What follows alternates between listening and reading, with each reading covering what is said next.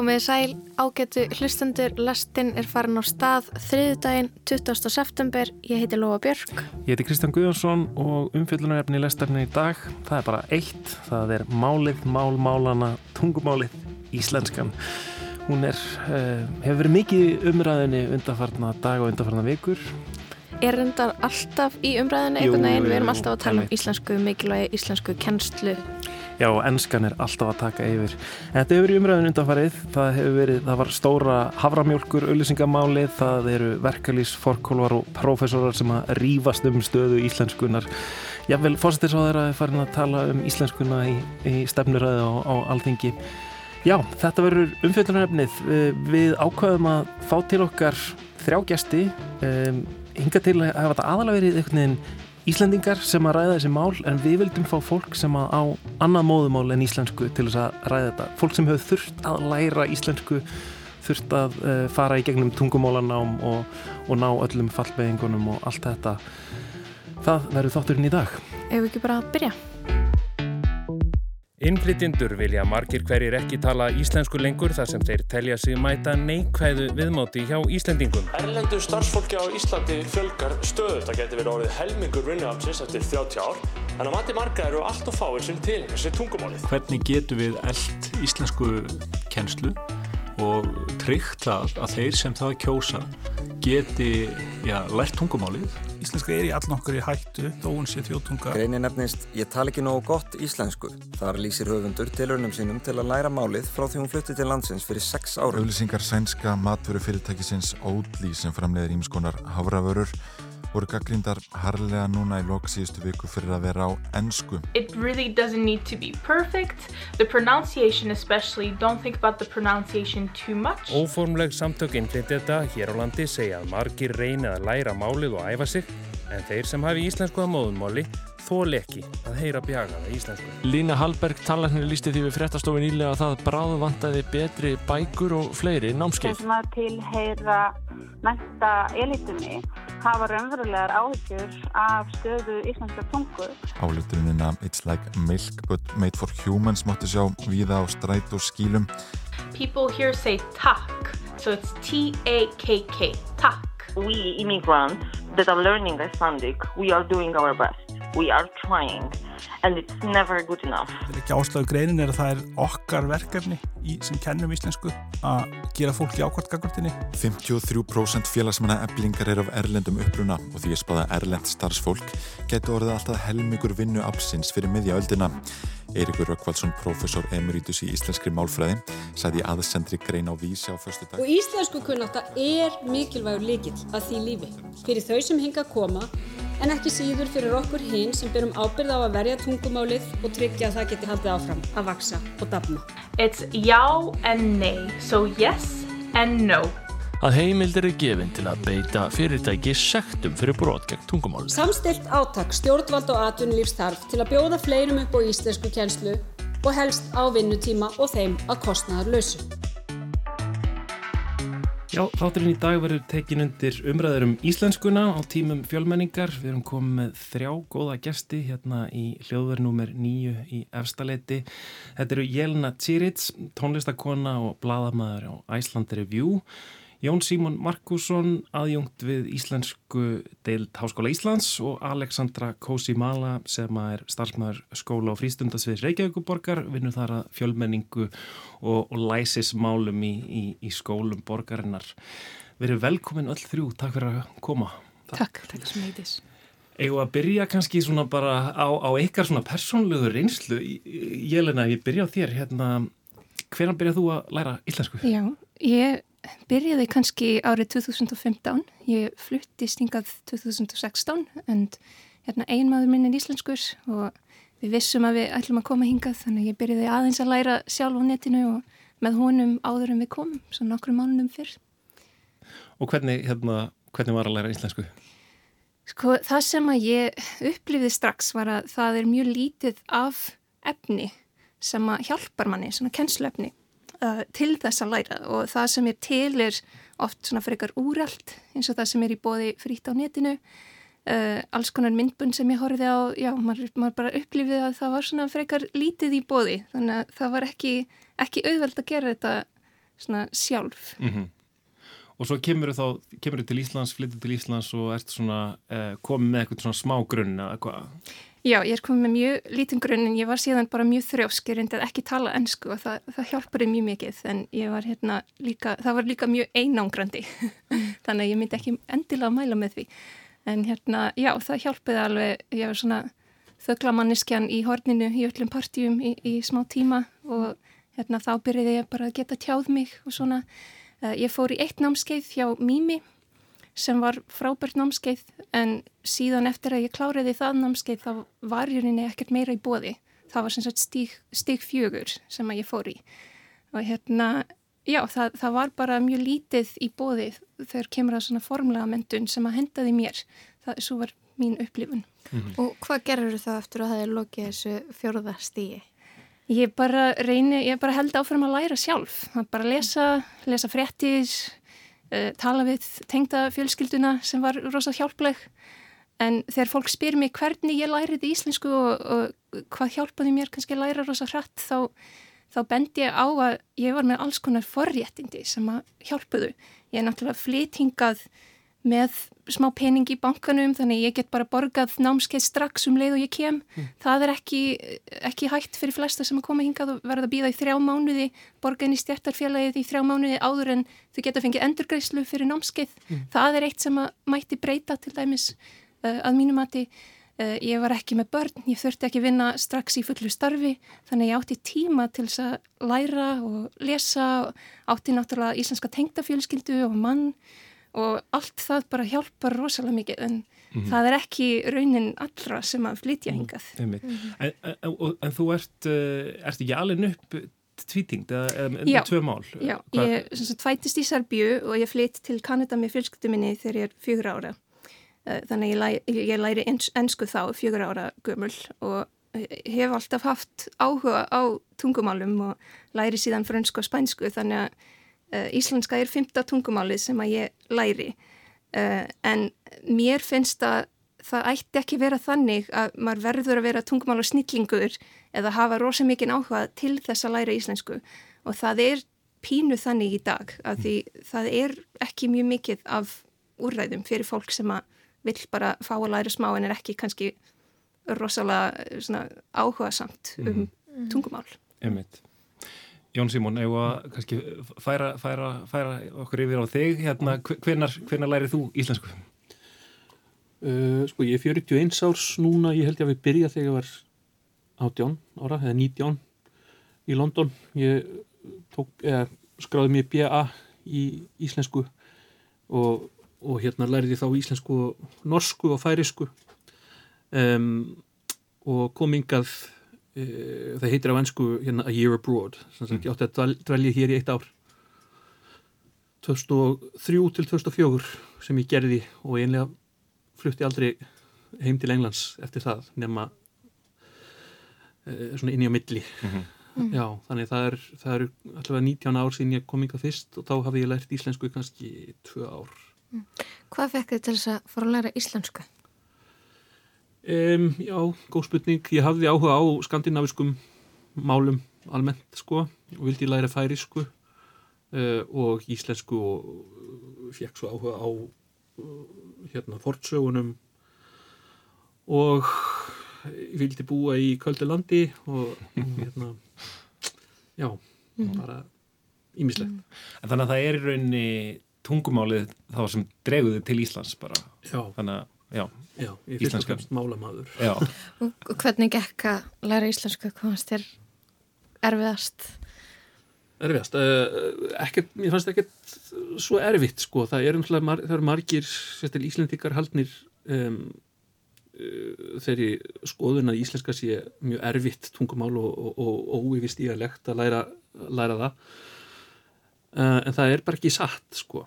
Um en ég uh, tekki undir með þér sko að, að hérna, ég, þú veist það eru tönskonar málanemar það eru þeir sem láta bara vaða og er alveg samu um, um málfræði og þess aftar og ég, ég er af hinn í gerðinni ég opnaði ekki munnin í sex mánuði fyrir en ég var alveg vissum að Þú verður að tala rétt. Ég geti tal, tala rétt, sko, Mhm. eða svona, Mhm. innan gæsla bara rétt, já. Mm. Um, hvað varstu þá að gera í þessar sex mánuði?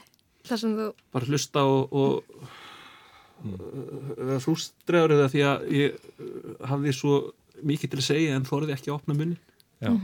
Já. Það er náttúrulega mjög svona einmitt, örgulega sem allir upplifa sem að flytja til land það sem er tala ekki tungumálið uh, reybrennandi að, hva- hvað er svona einhvern veginn auðmíkjandi, maður verður auðmjúkur einhvern veginn að, að Mm. þegar maður einhvern veginn er bara nánast eins og barn eða, eða, og, og fólk kannski lítur á mann líka þannig einhvern veginn, en maður Já. talar ekki fullko, fullkomið mál En það er líka uh, svona ákveð lúksus að vera í þeirri stöðu að geta bara það að uh, þú veist, þegar maður, maður vill. En það var ekki fyrir en ég uh, sko flytt á Rauðasand 2004 held ég að uh, þá neittist ég, ég til þess að tala í íslensku þú veist uh, fólki þarna talaði mjög líklega ennsku um, og þá verður maður bara að láta hér kom hann út um, þú veist, henda honum og, og láta vaða. Mm. kilvuna ráða kasti. Og hvað heldur að sé sem er óþægilegt við að tala ekki en að gæslappa fullkomna íslensku? ég lagði bara sjálfur svo mikið upp úr því að læra eh, málfræðina beigingakerfið sérstaklega. Ég hef mestan áhuga á beigingafræði um, það er bara personubundið held ég einstaklingsbundið Mhm. en það er öðruvísi núna sko tengdafóreldrar mínir sem eru danskir ég læt bara þú veist, læt bara vaða Á dansku? á dönsku, já, Já. Það er alveg sama hvernig það kemur út Já. ég heldur einn þegar ég tali betri dönsku en tengdar pappi minn En, en þú, Alexandra, hvenar byrjaði þú að læra íslensku? Sko þessi hugmynd að koma til Íslands kom til okkar til fjórskilda minn í 2016 held ég. Það var þessi ástæður á Íslandi þar vandaði rosa mikið íbúðum, íbúðum. Það vorum við fyrst og fremst að hugsa að finna íbúðina fyrir okkar, fyrir lítla fjórskilda okkar, það sem verð maðurinn minn, ég og lítla stelpina okkar. Og ég var líka ólíð á þennan tíma sko. Um, en við höfum þessi hugmenn í höfninni okkar, höfnir okkar að, koma og hafa annað reynslu eins og bara búa í Pólandi og vera pólverjar. Við vorum komast meira og um, læra meira og kynast fólk. Og það var svo hugmynd að koma hingað. Og fyrst og fremst við vorum að hugsa um farauðir Ísland. Og ég var fyrst og fremst að byrja með farauðska uh, á netinu. Og það var, það var rosa skemmtilegt á byrjunni. Um, já við höfum hingað um, 2017 í mars og ég var svona tungumólakona það var allir að segja við mig og sko mér finnst það ekki satt sko um, ég ekki sammála til að segja það fólk er svona, veistu, svona giftu, svona, get ekki segja það uh, hafa svona gjöf Mhm. frá heiminum að vera Ha- tunga hæfileika, kona já. eða Mhm. kall, ég samla ekki alls ekki, það var bara reynsla mín, ég fyrst og fremst ég byrjaði um, eins og ólétt kona, ég var að byrja í keksverksmiðjunni svo um, á eftir smá ég var ánvinnu með, með tvö lítil börn um, ekki með, með fjórskildu bara með manninu mínum sem var líka rosa mikið að vinna á þennan tíma. Um, en vorum, vorum alltaf að hugsa að vera á Íslandi bara þrjú ár og svo koma tilbaka til Pólans. Og já, það byrjaði, byrjaði æventýra hjá okkur af því ég sko, ég hugsaði ég get ekki lífa hérna uh, upplifa góða lífi á Íslandi nema þegar ég ætla að byrja að læra tungumál sko.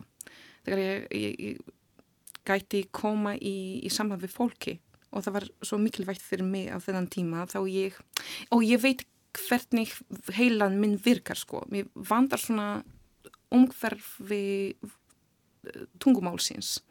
Ég þarf að vera með fólki sem tala þennan tungumál. Ég má ekki, sko, til dæmis í fyrirtækinu sem ég var að vinna, það voru stelpuðar frá Pólandi, Lítúaníu og alls ekki hætti á þennan tíma að læra íslensku.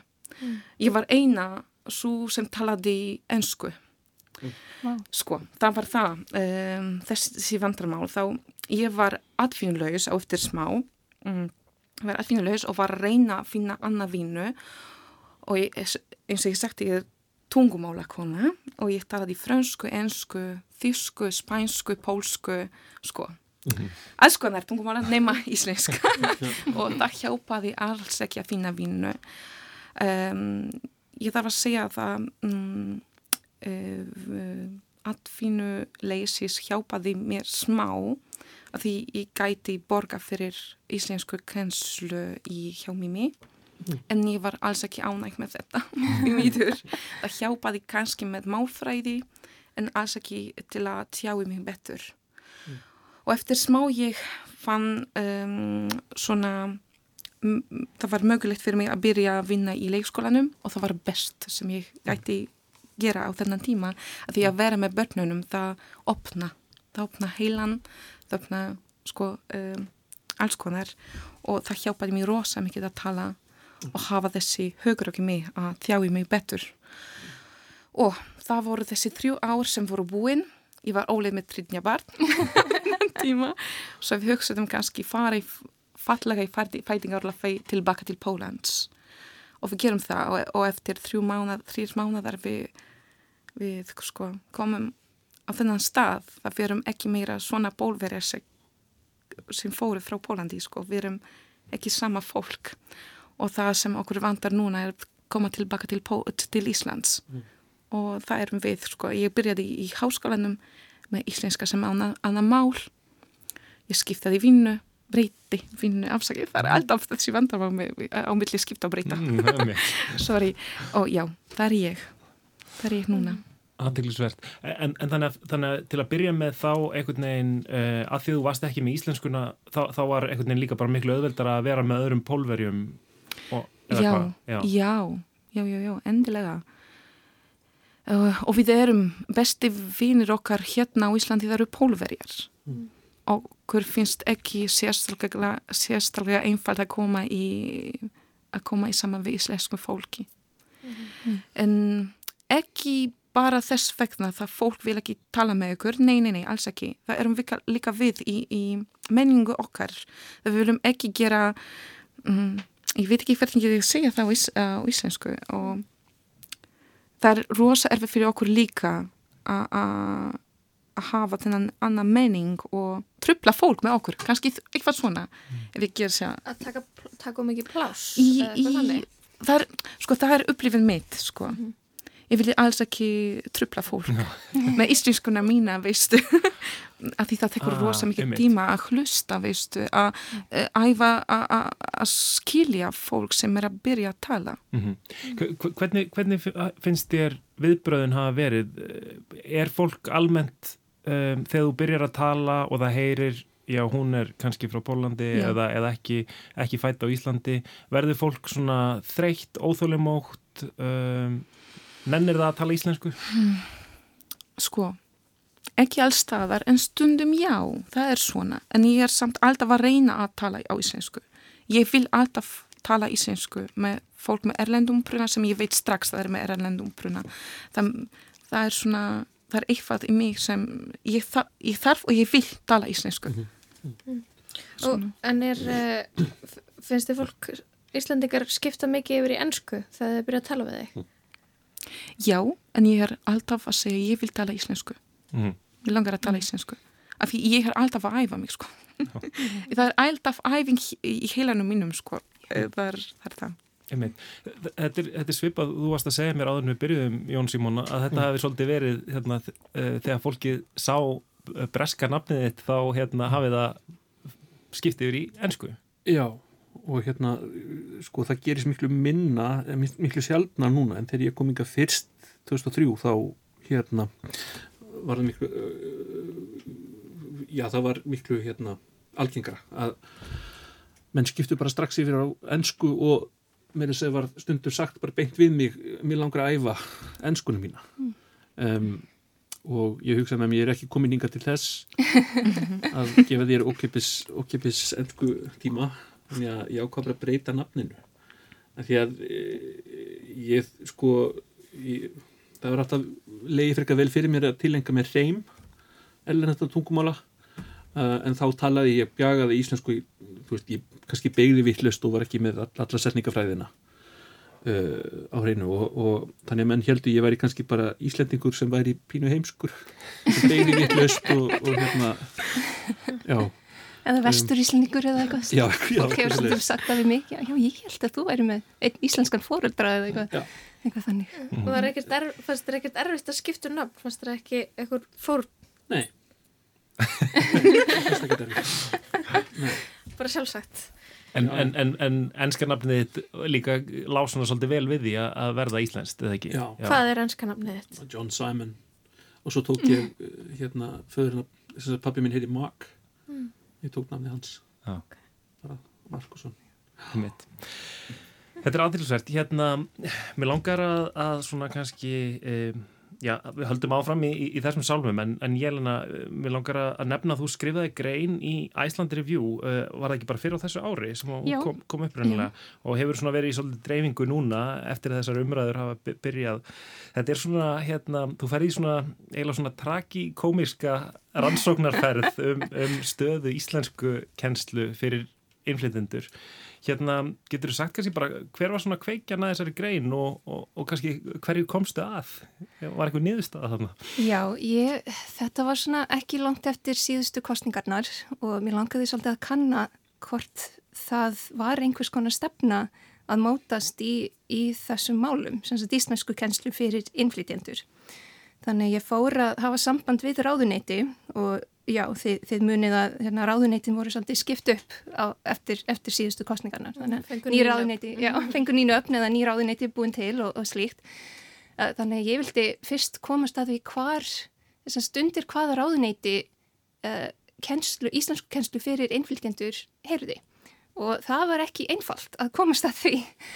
Það var reyndar nokkur ljóst að það vissi það bara enginn. Þess að ég hafði sambandi hringt í, í ráðuneyti og þetta var þremur mánuðum eftir kostningana.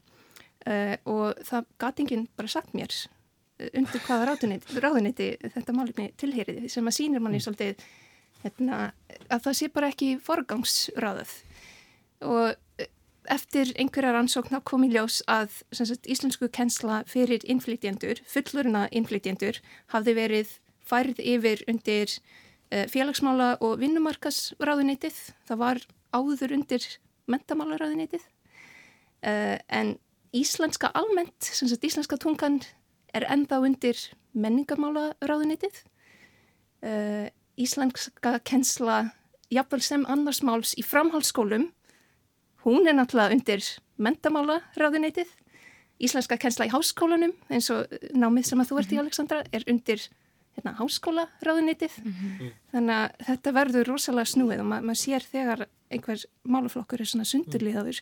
Það er rosa erfitt, það er rosa erfitt að einhvern veginn móta heldarstefnu sem að er það sem vandar og það er rosa auðvelt að fyrra sig ábyrð sem er svolítið það sem við sjáum. Það, það var náttúrulega, já, ég, ég gæti ekki fengið viðtal hjá, hjá ráðherranum uh, og, og slíkt. Það er bara enginn sem er tilbúin að svara fyrir þetta málöfni. Það segja allir bara, þetta er ekki á mína ábyrð.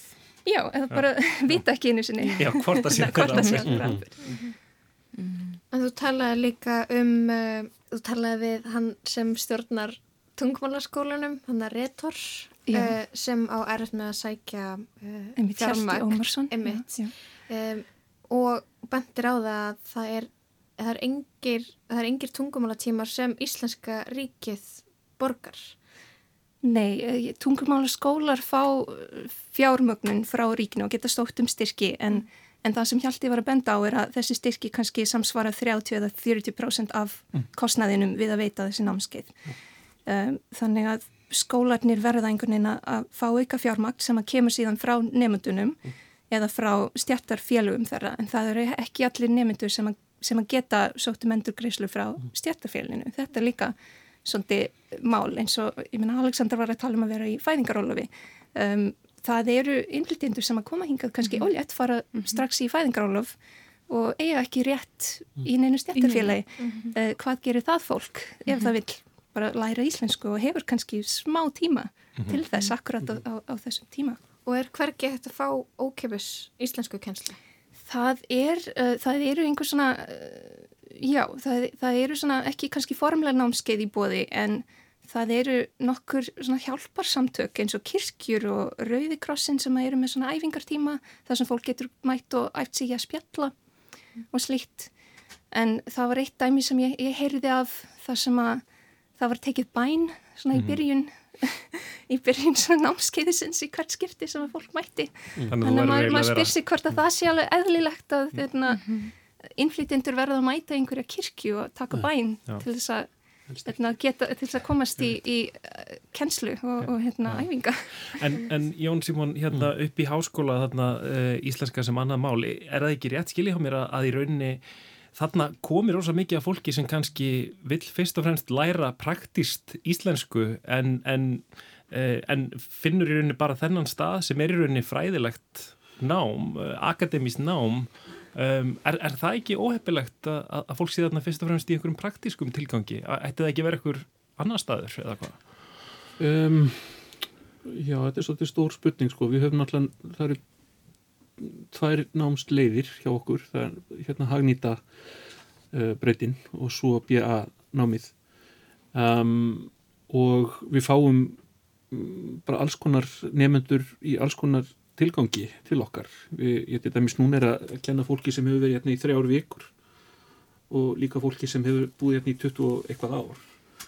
Um, og uh, það er, já, það er aldrei erfitt að alhæfa um tilgang fólksins með náminu, sko. En ég, sko, hef líka tekið eftir því um, og þetta tengist einhver sem ég lenni var að segja áðan að en ég fengi til dæmis skilabóð frá nefndum eða tölupóstur á nefndum sem spyrja er hvernig, ég, hvernig kemst ég lengra þú veist ég er kannski búin að taka öll þessi hérna stig í, í mými og búin með sumanámskeið og, og, og annað og, en ég vil komast þú veist ég vil, ég vil ekki bara hætta þar og ég vil ekki endur taka, ég vil komast lengra og það virðist vera lítið af uh, því í bóði utan uh, akademiska Mhm. sagt, utan, utan námsins sko.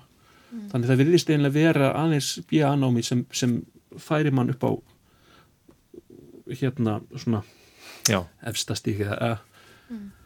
já, Já, einmitt. sem fyrir svona langt með, uh, með mann sko. En eins og námsefnið sem þið kennið, um, er, er eitthvað svona, er eitthvað opimbert uh, námsefni, eitthvað sem að ráðunitin hafa látið búa til sem þið kennið en er líka hægt að læra í þessum sjálfstæðu tungumálaskólum eða er allir að búa til sjálfur? Ég hugsa að mest megnið af efninu sem við notum í HÍ er okkar efni. Það, er, eru eh, kollegar, ég á kollega sem er mjög duglegir að framleiða efni sem eru bara algjörir snillingar í því, ég ber bara á staðnum sko, að búið til efni Mm. en það eru líka málfræði bækur og, og, og hérna mm, kennslubækur hérna smásagnabækur sem við notum sem eru til þess uh, gerðar að, að nota í kennslu við HÍ en ég veit svo sem ekki með uh, ég held að hver skóli bara búið til sitt efni Já, þessi skólar eru náttúrulega að, að keppast um sama fjármagnið Já. og þeir hafa e- enga kvartningu til þess að vinna saman í rauninni. Það er annað sem að, sem að er mikilvægt að benda á. Einmitt. Og, en, en Alexandra, hvernig, þegar þú ert að læra íslensku, uh, hvað ertu til dæmis að læra íslensku núna og hvernig gengur þér með þetta námsefni sem er í bóði? Sko ég lendi í þessi ástæð að ég mm, kláraði hjá Dinkan Factory íslenska sjö. Það er svo skriðið íslenska sjö. Sko ég, í, í hleinum sko, þegar ég hugsa um það ég var kannski íslenska þrýr en samt ég var uh, á eftir íslenska sjö og hvað gerist maður núna sko það er bara B.A. B, Mhm. uh, sem er í bóði Mhm. sem var áhugavert að kannski að komast inn og, og sjá ef ég ætla að gera það og mér finnst þessi uh, það, þessi efni sem eru í bóði það er mjög áhugavert sko það er smá menning og, og minning alls konar efni sem eru í bóði og sko ég er mjög ánægt með og ég á líka að því ég er móður af þrjú börn ég er að vinna 100% vinnu ég, það sem ég er gera í háskólan það er bara kannski 10% af þetta sem ég þurfti að gera og samt mér finnst það mjög uh, mikilvægt að gera sko. Það hjálpar mér rosa mikið. Það er einhver sem er að, er að passa, passa mig líka sko. Það ég þarf að gera eitthvað meira eins og það sem ég uh, ætla að gera uh, gæti vera ef án þennan náminu námi. Þannig þið, þið gengur vel að nota þetta námsefni sem er í bóði? Já, já, sko, ég er mjög ánægt með en ég skil líka fólk sem er alls ekki ánægt með. Það er líka það. Og það er líka hægt að, ég minna, við notum upp í HV, við notum kjenslu efni frá Mimi og ég hef líka notað háskóla efni þegar ég kenni Mimi og það er hægt að nota þetta í alls konar tilgangi, auðvitað.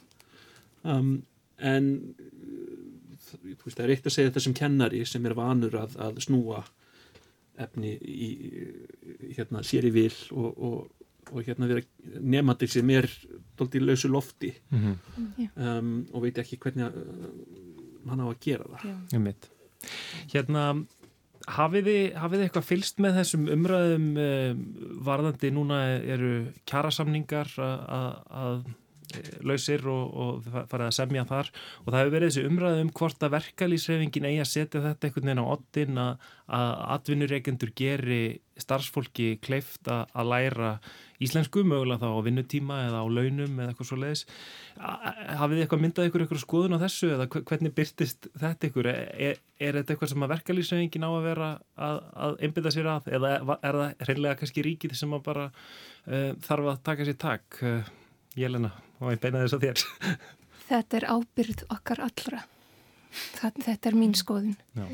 og manni finnst eins og það sé ofta að fyrra sig ábyrð og segja nei, þetta eru er ekki ver, verkalýtsfjálfin sem verða að, að sjá um þetta, þetta er ekki ríkið sem verða að sjá um þetta. Þetta, þetta er ekki atvinnureikindur heldur einhvern annar. En þetta er ábyrð okkar allra í mm. rauninni að sjá til þess að íslenska blómstri, að sjá til þess að innflytjendur hafa tök á að læra þjóðarmálið og, og nota það uh, sem tól í sínu lífi til að komast áfram í samfélaginu, til að taka þátt í samfélaginu.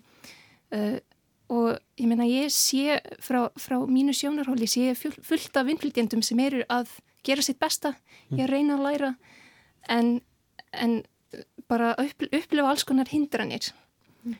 Uh, en ég held þú veist, næst vil ég sjá ykkur bjóða atvinnureikindur og, og ræða þetta sama mál og bjóða verkaðlýtsforistan og ræða þetta sama mál og hérna, að því að við berum öll ábyrð á, mhm. á þessu saman Kanski, má ég kannski spurja þá hvernig hafið upplifað, upplifað svona ykkar atvinnreikundur eða atvinnreikundur fólks í kringum ykkur sem er að reyna að læra íslensku er sveianleiki, er verið að koma til móts við þessa þörf? er verið að hjálpa?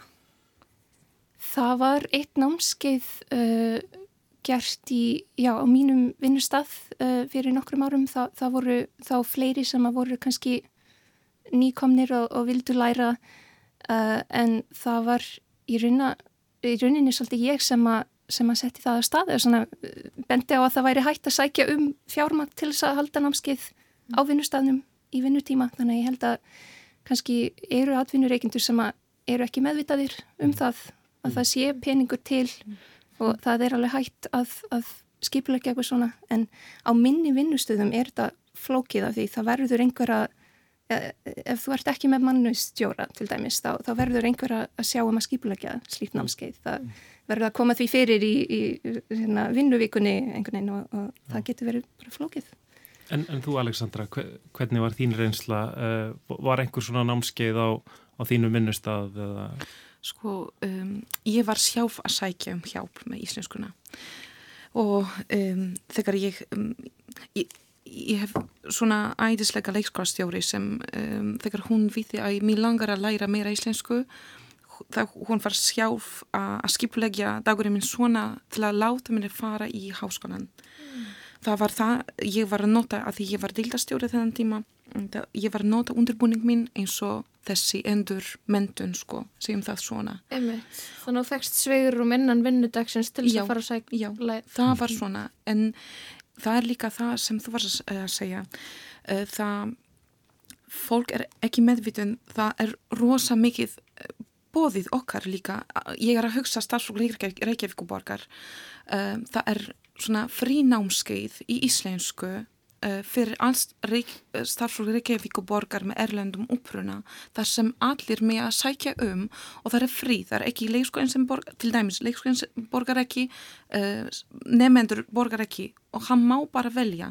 Á það vera rafræn, á það vera á staðnum, á það vera í um, þegar það er vinnutími er það á eftirvinnu maður gera allt, alls konar en fólk veit það ekki mm -hmm. það er það. Þannig að lausnin er í bóði en það veit ekki nóg margir af því. en, en er ekki líka bara stundum að fólk kannski sér ekkit endilega ástæðu til að læra íslensku? Það kannski þarf ekki að nota íslensku í starfinu sínu.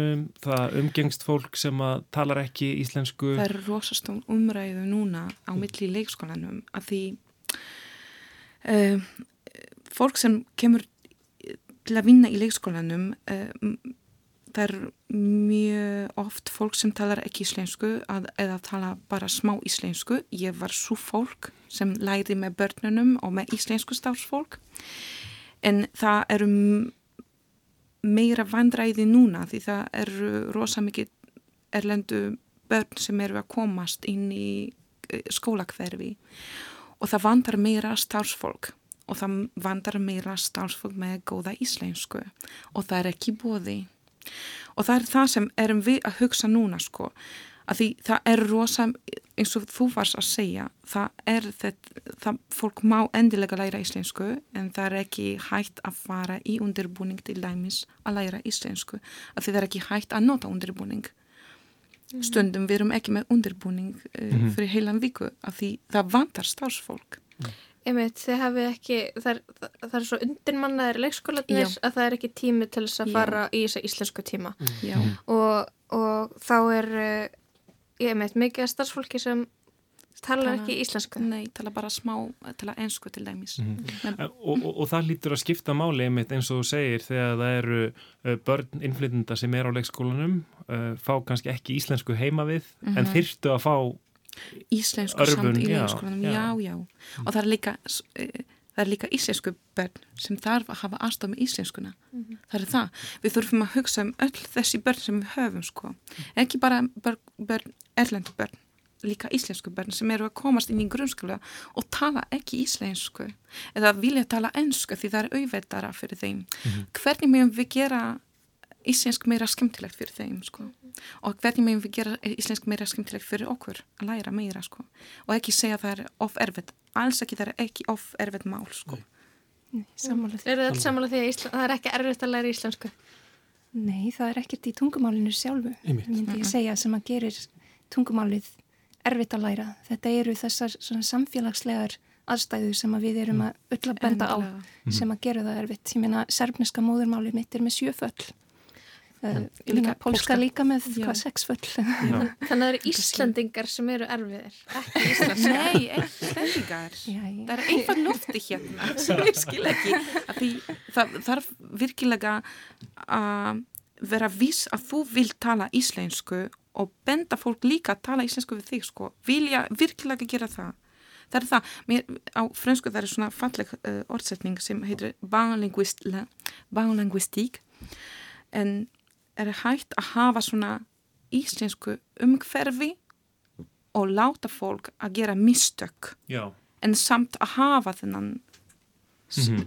og tala saman tala ég sá, ég var á Ísafyrði í sömur Uh, og þar var svona skildi í, hérna, í, í glukkunum á, á verslunum þar sem, að, þar sem að stóð, ég, ég man ekki alveg hvernig þetta var orðað en, en hérna tölum við íslensku og hér má fólk gera mistök og ég held að það sé að því að það er þarna uh, hluti af háskólanum og akkurir held ég með útibúð þarna sem, að, sem er þá oft erlend fólk uh, og, og þar er það greinlega svona stefna bæjarins bara einhvern veginn eða, eða stefna verslarna og, og, og stopnarna í bænum að leifa fólki að koma og tala íslensku og gera mistök. Mm -hmm. það er, svona... það er indislegt, mér hefur stundum langað að bara skrifa á ennið talaðu íslensku við mig. Já. það er ekki eins og fólk skipti yfir heldur fólk bara ávarpar mann á íslensku að fyrirbræði, sér bara hálítur manns eða eitthvað, eða bara útlitt og, og ákveður bara þessi talar, talar mhm. ennsku og ég held að margir íslendingar tengja tungumál eða tungumála val við kurtesi sagt, að þeir halda að það sé dónalegt að tala íslensku mm -hmm. við einhvern sem að talar ekki fullkomna íslensku og það sé kurtisislegt að tala ennsku en maður getur verið, þú veist, fólk vill alveg tala íslensku og æfa sig íslensku og það er hægt að vera dónalegur á hvaða tungumáli sem er eða sína fólki kurtisi á meðan það er að læra. Mm -hmm. Svo er þetta alveg til, sko. Já, hérna, vinkona mín sem hérna er frá Þískalandi Stefani heitir hún, hún hérna var á bar fyrir einhverjum vikum síðan og, og um leið og hún var að tala við íslenskan kallmann og um leið hann komst að því hún var þjóðvergi þá skiptir hann yfir á ennsku og, og neytar bara hún heldur að fram á íslensku en hann neytar að tala íslensku við hana bara heldur að fram á ennsku það er, það er líka til sko. mm. En er ekki líka þetta, þetta þriðja þar sem að það er krafist þess að að fólki í þjónstu störfum tali íslensku og, og, og, og fólk eru pyrrað að þú kanta ekki íslensku og talar ekki íslensku er þetta ekki annað líka vandamál? Er þetta talum að uh, er... Íslandingar krefjast þess að geta tala íslensku við alla? Það er eðlilegt að þeir krefjast þess á Íslandi finnst mér mm -hmm. en þá verða þeir að beina þessa kröfu til atvinnureikendur og til ríkisins mm -hmm. sem að verður að sjá um að íslenska sé aðgengileg fólki sem að koma hingað. Það er bara, þú veist, það eru innflytjendurnir sem eru í þjónustustörum sem að lenda í þessu oft og, og, og verða að, að díla við svona kannski, já, dónalegt uh, hegðun í þarra garð en, en ég vil að, að þeir Íslandingar uh, sem, a, sem að hegða sér svona bara beina þessa orku til hattfyrinni reykanda og, og til ríkisins. Mm. Mm. þeir byrja ábyrð á, á, á þessu mm. Það er mjög góða punktur Mér langar að spyrja kannski svolítið svona stóra spurningar hérna, hafið þið áhegjur af framtíð íslenskunar? Nei. Já.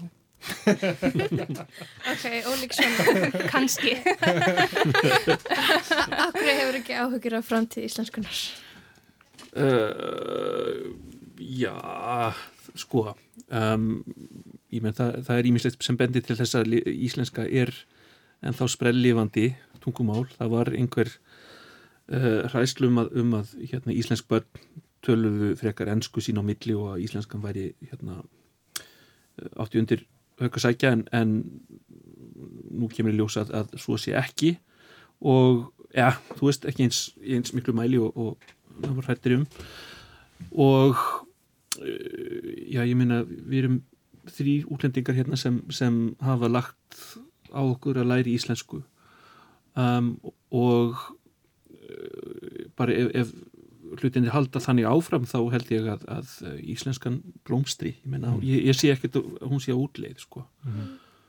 alls ekki, ég menna, auðvitað er, er einhver hætta ef, ef um, við erum mennum farnir að tala við tækin sín heima til dæmis og, og, og, og máltæknin er ekki til til þess að menn geti talað á íslensku við tækin og svo leiðist þá er að náttúrulega að ennskans er komin inn eh, inn á heimilið. Mm -hmm. en, en vonandi verður hægt að grípa inn í áður en það er að kemur. En ég er ekkert svart sítn á ég er svart sítn á margt sko en ekki, ekki hérna, framtíð íslenskunar og sko ég er að vinna í núna meira í mér með, með þjómenning í leikskólanum í leikskólanum og ég sé þessi erlendur stásfólk sem kom hinga til Íslands og vil læra íslensku og get ekki ekki tíma, ekki fólk sem vil læra, ekki mentoring. Mér, mér vantar meira sko, setja meira, meira kröfur í þessu.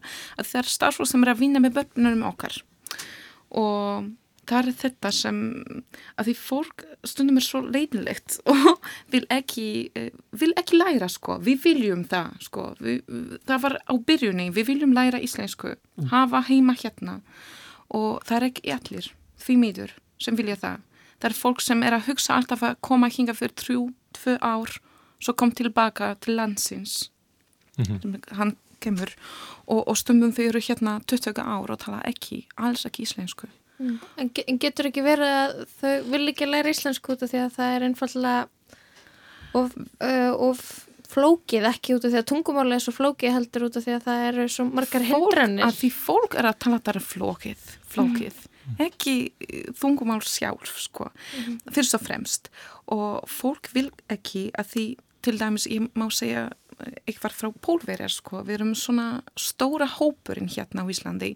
Það er alltaf hægt að gera alls konar með pólverjar sko. Þarf ekki tala íslensku. Það er alltaf ætla að finna pól fólk sem tala pólsku sem þú getur gera allt sem þú vilt fara í kirkli í pólsku messu til dæmis fara í pólsku búð uh, þú getur gera alls konar með pólska hérna og mm. já það er það sko kannski meira bara meira pressa fólk að læra. Mm. Sorry til að segja það, sko, sorry bólverjar, en sorry erlend starfsfólk, erlend fólk, en það þarf meira pressa að læra íslensku, sko. Mér finnst það. En það er kannski munurinn þú... Er það ekki sammála með mér? Ég bara er pínu tregur til, sko, ég held að það, að, það sé ekki endilega að pólverjar Nei, nei, nei, eh, alls ekki. Vilji ekki læri íslensku eða að því að þeir vilji bara halda sér saman. Ég held að það sé ekki það, málið, sko. Það er einn af málinn. Ég held það. Ég minna allir reyna, þú veist, ég, ég hlakka alltaf til þess þegar ég eh, hitti mína ennsku vini svo við getum talað um fish and chips og, og, og drotninguna og og drukkið teða saman en um, og sumir þeirra hafa búið hérna í, í dákvæðan tíma en, og tala ekki íslensku eða tala kannski bjaga í íslensku en það er ekki endilega vegna þess að þeir séu að leita að leita þess að forðast að þurfa að læra íslensku eða neitt hannig það er, hérna, þú sumir vinna í uh, ferðamanna uh, bransanum og, og uh, tala dagstæðilega við fleiri útlendinga en, en íslendinga og fyrirtækið er kannski ekkert að út af því sko að, að það koma flest, flestir sem sækja búðirnar eru, eru hérna útlendingar þá sér fyrirtæki kannski ekki ástæði til að að borga fyrir íslensku kjenslu og svo leiðist þannig að mm -hmm. ég, ég pínu tregur til þess að, að trúa því að, að það sé vegna þess að fólk Sko mér finnst bara... þessi comfort zone það er alltaf eitthvað sem fólk vil vera í sko. Og e, til að læra ný tungumál það er alltaf að komast frá sko. Það er alltaf að hugsa að fólk ætla kannski hugsa eitthvað um þig eða ætla að segja eitthvað um þig um hrein sem þú á eða málfræði sem þú ekki. Veistu hvað ég meina? Já, já, ég meina og þetta er auðvitað sama líka bara Íslendingar í, í, í Kaupmannahöfni eða Berlín sem að halda sig saman og, og, og læra mm -hmm. ekki endilega tungumálið mm -hmm. mm. Sko ég er að tala á pólverið því ég er, sam, ég er sjálf pólsk og ég sammála með þessi ferdamann þjó, þjónustu, mm. dælmis maðurinn mín hann er líka leysögumadur hann talar íslensku en er, hann vil gera meira sko, meira, hann vil gera meira kröfur en samt hann á ekki tíma það er mm. það líka mm -hmm. en hann á ekki uh, þessi mögulegt að, sko, það er ekki mögulegt að hafa samband meira svona uh, með íslendingar held ég Já, hann er aðalega í samskiptum við, við ferðamenn, ferðamenn. Mm -hmm. -hmm. Það er náttúrulega ákveðin vinna sko að um, veist, það er oft kvartað í Englandi til dæmis um, um hérna, innflytjendur sem að veist, þeir vilja ekki aðlagast og svo leis en það er náttúrulega ekkert eins og maður lendi, flugvélinn lendi og þá segir maður já ok, við ætlum að byrja aðlagast fyrir klukkan 6 mm -hmm. veist, ég minna að það er náttúrulega ákveð ferli já. sem að það er fár að, að aðlagast og læra tungumáli um, og ef aðstæður manns bjóð ekki upp á það þá hvernig er ámar að fara að því, skilur við, ef maður er ekki málamadur, ef, ef, ef við komandi hefur kannski, kannski aldrei lært erlend tungumál, um, maður veit ekki alveg hvað maður að byrja kannski mm -hmm. um, og það kannski leiðir til þess að maður uh, sæki í það sem er uh, hérna sem maður þekkir mm -hmm. en, en Alexandra, má ég spyrja hérna, heldur þú að, að mögulega að, að eins og fordómar Íslandinga gagvart pólverjum skiptir líka máli þarna að, að fólk einhvern veginn kannski hafi ekki það mikið áhuga á því að lagast að eða, eða, eða að, að, að líka að Íslandingar íti, íti fólki frá í rauninni? Alls ekki. Ekki? Nei, nei sko. Ég ekki, ekki svo á stæðum. Ekki ég sko. Ekki ég persónlega Alexandra, nei. Nei, en ég veit ekki um aðra fólk. Sko, við, allir vinnir mínir eru rosa ánægt að búa í Íslandi eru til dæmis fara fyrir einn át, tvö ár til Pólans og eru alltaf tilbaka mm. fólk er alltaf hugsa að koma heim tilbaka en mm. heim er hérna það er það og til að vera heima það þarf að tala tungumál mm -hmm. Já, ég held að það eru alveg innflytjendur sem að upplifa að þeir verða ekki að endilega að kunna íslensku til þess að lifa góður lífi á Íslandi mm. og það er kannski já, því eru bara að fá ákveðin skilabóð frá samfélaginu að það sé satt og, og trúa því en það er kannski, eru kannski Íslandingar eða ég veit ekki, við, við sem að sýtum hér sem að berum ábyrðu að, að breyta þessi skilabóð kannski mm. sem, að, sem að greinilega koma frá samfélaginu. Það er bara að það sé bara frábært að búa hér og, og þú getur gert alveg allt eh, og, og, og verið bara 100% eitthvað hafmyggju samur og tekið þátt í samfélaginu án þess að tala íslensku. Ég trúi ekki að það sé alveg þannig. Mér finnst maður að komast alveg miklu betra inn í samfélagið með því að tala íslensku og getur tekið mér af þátt og hefur fleiri tækifæri og það sýnir okkur líka að íslenskan sé sterk og miklu sterkara heldur en heldur en kannski margir íslandingar gera ráð fyrir að mm. sagt, staða hennar er sterk vegna þess að við erum að, alltaf að sjá að ef maður talar íslensku þá hefur maður fleiri tækifæri Já, algjörlega, ég er samanlega um, Við erum svona eiginlega komin á, að lokum er er eitthvað meira, er eitthvað að lokum eða eitthvað sem að þið eru ekki múin að nefna sem að þið, ykkur, ykkur þetta er aðtæklusvert að nefna þessu samengi hmm. Ég geti talað um þetta máli í, í allan daginn og ég held að það er nefnilega málið okkur þykir vænt um íslensku Já, mm. einmitt Já. Og bara íta undir, veist, allir eins og eins og þú sagði ráðan, sko, þetta er á ábyrð okkar allara að hérna gera íslensku gera íslensku eins hátt undir höfði og hægt er um, og já, það er bara já, ég veit ekki hvernig við komum því í gegn sko, en, en mm. það er bara líkilatrið hérna að, að deilur þessum þætti með vinum okkar og það sem ég langar að segja ég reyndi alltaf að hafa fittingt fjórskilda og ég var alltaf að hugsa kannski hafa fransku maðurinn eða eitthvað svona. En nei, já, pólsku maður samt börn mín eru tvítingt og ég er mjög takk, þakklátt fyrir þetta því það, er, það opnar svona mikið uh, þeim sko, hugsun þeirra. Um, bara. Það er ædislegt mm. mm. það er kannið tvö tungum má, má ég spyrja svona eitt, um, eitt svona persónulegt um tengur ykkur í, í íslenskuna? Eigiði ykkur uppáhalds orð á íslensku? Fullt af þeim. Ég fannst það gaman þegar ég var að læra orð sem að hljómuðu svona mjög sterkla eins og kakkalaki en svo af því að ég, ég byrjaði að læra íslensku í getnum mannin minn þá læri ég alls konar svona romantísk orð fyrst. Eins og hálsakott það er svo gott orð, ekki til í öllum tukumálum það er svo gott orð. Ég finnst íslensku orði blók það er eitthvað skemmtilegt. Það begist blók blækur eins og bókbækur og rótrætur. Pínu lítill uh, flokkur, örflokkur sem hefur áhrif út fyrir sig. Mm. Hvað þýðir blók? Skrifstofublók Skrifstofublók uh, einhver hérna sem er látt settur í bókanaröðinni Ég, ég nota ekki blók mikið. Alessandra, áttu þeir eitthvað alls Sko ég elska að hugsa um nöfn, íslenskar nöfn sko. Þessi samsett orð sem meinar eitthvað alltaf. Mm. að ég elska það. Mm. Íslensku nöfn. Íslensku nöfn, eins og dóttrið mín, hún heitir Ida Særún og við vorum alltaf að hugsa að velja eitthvað ædislegt nafn fyrir hennar sko, eitthvað sem á svona sterk minning. Mm. Særún. Særún heitir hún. Mjög gott, takk kærlega fyrir komuna Jelena, Jón Símón og Alexandra. Takk fyrir komuna lestina. Takk svo mjög Það verður þátturinn ekki mikið lengri í dag. Hjá okkur í lestinni voru þau Jelena Tjiric, Jón Símón Markusson og Alexandra Kosi Malla. Já og tæknumæður var Georg Magnússon við Kristján og Lóa. Þakkum fyrir okkur í dag. Við verum hérna aftur á sama tíma á morgun. Við erum sæl.